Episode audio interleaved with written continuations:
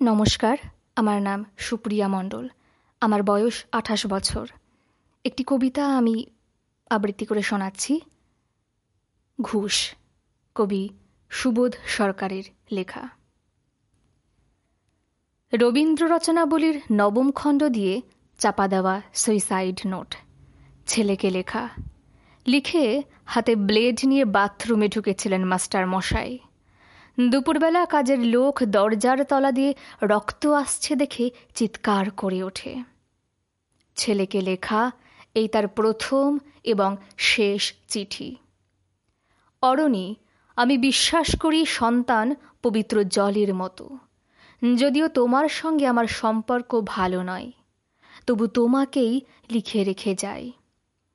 গত দু বছর তোমার মায়ের চিকিৎসা বাবদ আমার যৎসামান্য সঞ্চয় আপাতত নিঃশেষিত। চিকিৎসার ব্যয়ভার আমি আর নিতে পারছিলাম না। জীবনে তোমার টাকা ছুঁইনি, মরেও ছোব না। আমি আজীবন ছাত্র পড়িয়েছি, জ্ঞানও তো কোনো অন্যায় করিনি। গত মাসে আমার স্কুলে এক অভিভাবক এসে ঝুলোঝুলি করেন তার ছেলেকে নেবার জন্য। আমি প্রথম দিন ফিরিয়ে দিই। দ্বিতীয় দিন ফিরিয়ে দিই। তৃতীয় দিন পারিনি। তিনি আমাকে একটা বড় খামে তিরিশ হাজার টাকা দিয়ে চলে যান। সেই টাকায় এই মাসে তোমার মায়ের চিকিৎসা চলছে। জানি না তিনি বাড়ি ফিরবেন কি না কোনো দিন। ফিরলে বলো, পৃথিবীতে আমার বেঁচে থাকার অধিকার চলে গেছে। ইতি বাবা।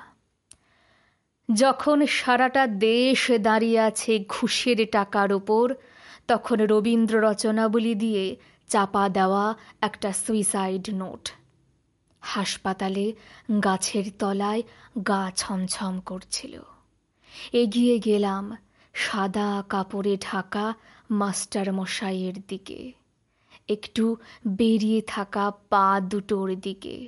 ওই একটু বেরিয়ে থাকা পা দুটো যেন ভারতবর্ষের শেষ মাটি। নমস্কার।